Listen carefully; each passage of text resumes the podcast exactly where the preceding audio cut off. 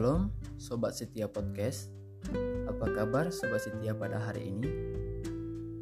Perkenalkan, saya Elisa Pranata Nadea, mahasiswa profesi keperawatan angkatan 2018 yang saat ini sedang menjalani masa profesi di Rumah Sakit Siloam Purwakarta. Hari ini kita akan mulai perenungan firman Tuhan dari surat 2 Petrus. Sebelum kita bersama-sama mendengarkan renungan hari ini, saya mengajak kita untuk mendoakan beberapa topik doa. Yang pertama, berdoa untuk suasana menjelang Natal dan Tahun Baru. Biarlah Tuhan memberikan keamanan bagi negara kita, supaya kita dapat menyambut Natal dan Tahun Baru dengan damai dan sukacita. Yang kedua, berdoa untuk Bapak Reinhardt supaya senantiasa bersandar kepada Tuhan untuk boleh memimpin sebuah sekolah dan menguatkan beliau akan panggilannya di bidang pendidikan. Yang ketiga, berdoa untuk saya dan teman-teman mahasiswa profesi angkatan 2018 yang saat ini menjalani masa profesi. Kiranya Tuhan memberikan kemampuan untuk dapat menyelesaikan masa profesi dengan baik dan kepada sobat setia podcast yang rindu untuk didoakan atau ada pergumulan doa yang ingin disampaikan dapat menghubungi Bapak Luka untuk menyampaikan topik doa dan dapat didoakan pada episode podcast yang akan datang. Nats firman Tuhan pada hari ini terambil dari kitab 2 Petrus pasal 1 ayat 1 sampai 15. Nats firman Tuhan pada sesi ini akan dibacakan oleh Nurse Arvina Pitasari, alumni keperawatan UPH tahun 2017.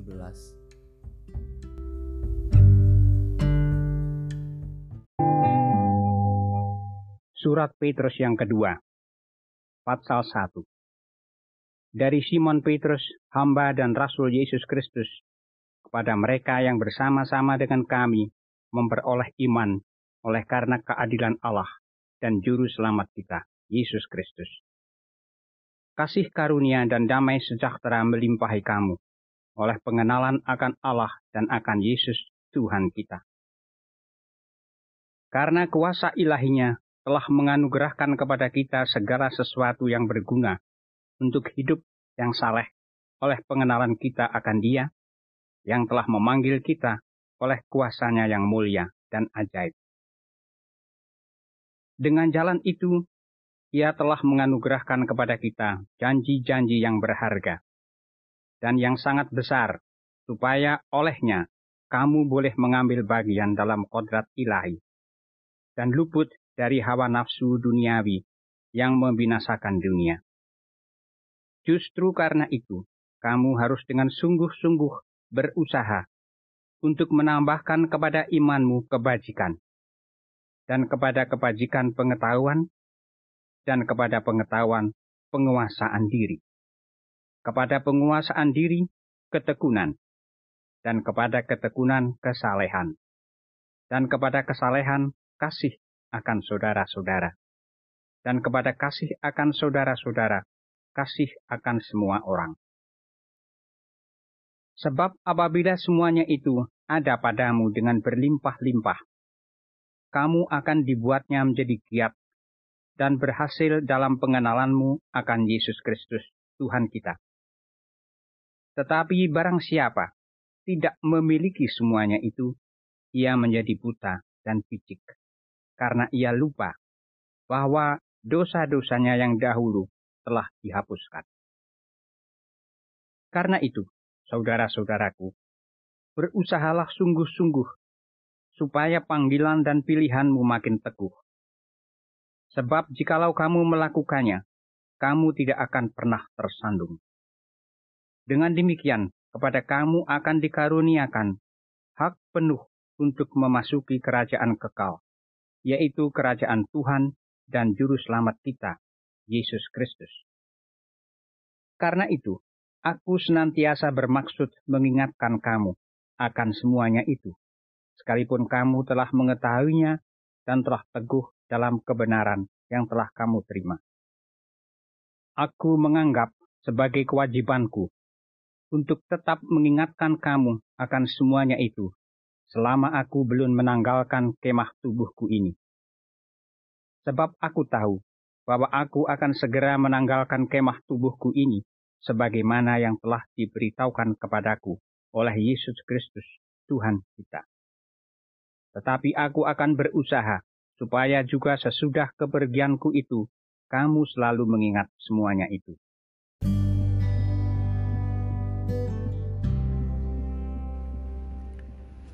Terima kasih kepada Nurse Hervey dan juga Elisa Nadaik, mahasiswa profesi. Tuhan kiranya memimpin studi dan pekerjaan kalian. Tema kita dalam episode ini adalah sebuah nasihat untuk kita. Dan mari kita berdoa. Bapak yang baik, ajarlah kami sekali lagi dengan firman Tuhan yang akan kami renungkan bersama-sama. Demi Kristus, amin. Sobat setia, dalam kehidupan kita yang sudah berjalan sekian belas tahun atau puluhan tahun, tentunya kita pernah mendengar atau menerima nasihat dari banyak orang. Dan mungkin sampai saat ini nasihat itu terus berdatangan kepada kita. Kalau kita pikirkan dan kita renungkan, apa sih yang menjadi tujuan dari nasihat-nasihat itu? Tentu semua adalah untuk kebaikan kita. Tidak ada nasihat yang mencelakakan atau menjerumuskan kita. Yang ada adalah supaya kita lebih baik lagi dan lebih baik lagi. Namun juga banyak nasihat kepada kita yang membuat kita menjadi jengah, kita menimbulkan, menebalkan telinga kita. Sehingga nasihat yang diberikan itu seolah-olah tidak bisa menembusi telinga kita yang kita tebalkan. Kita sering kali juga mengabaikan setiap nasihat yang datang. Hari ini kita akan merenungkan sebuah nasihat dari Rasul Petrus menjelang ajalnya. Dan tentunya ini nasihat terakhir dari seseorang yang akan meninggalkan dunia. Dan ketika hal itu terjadi, sering kali nasihat lebih diingat, lebih nempel dalam ingatan kita. Karena apa? Nasihat terakhir tidak ada yang kedua dan tidak ada yang berikutnya. Seperti sebuah wasiat bagi kita. Kita benar-benar harus mengingat dan mengerjakan dan menghidupinya. Sehingga mari kita bertanya, apa sih yang menjadi nasihat dari Rasul Petrus sampai dia menuliskan bahwa ini adalah sebuah peringatan di ayat yang ke-13 sebelum dia meninggalkan raganya, kemah tubuhnya.